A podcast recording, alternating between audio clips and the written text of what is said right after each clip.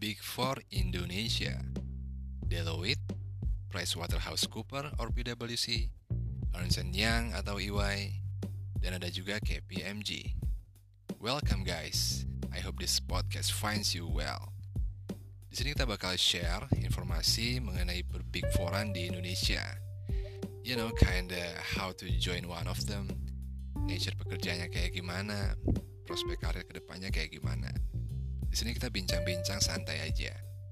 Dan buat disclaimer juga, di sini gue nggak mewakili perusahaan mana pun.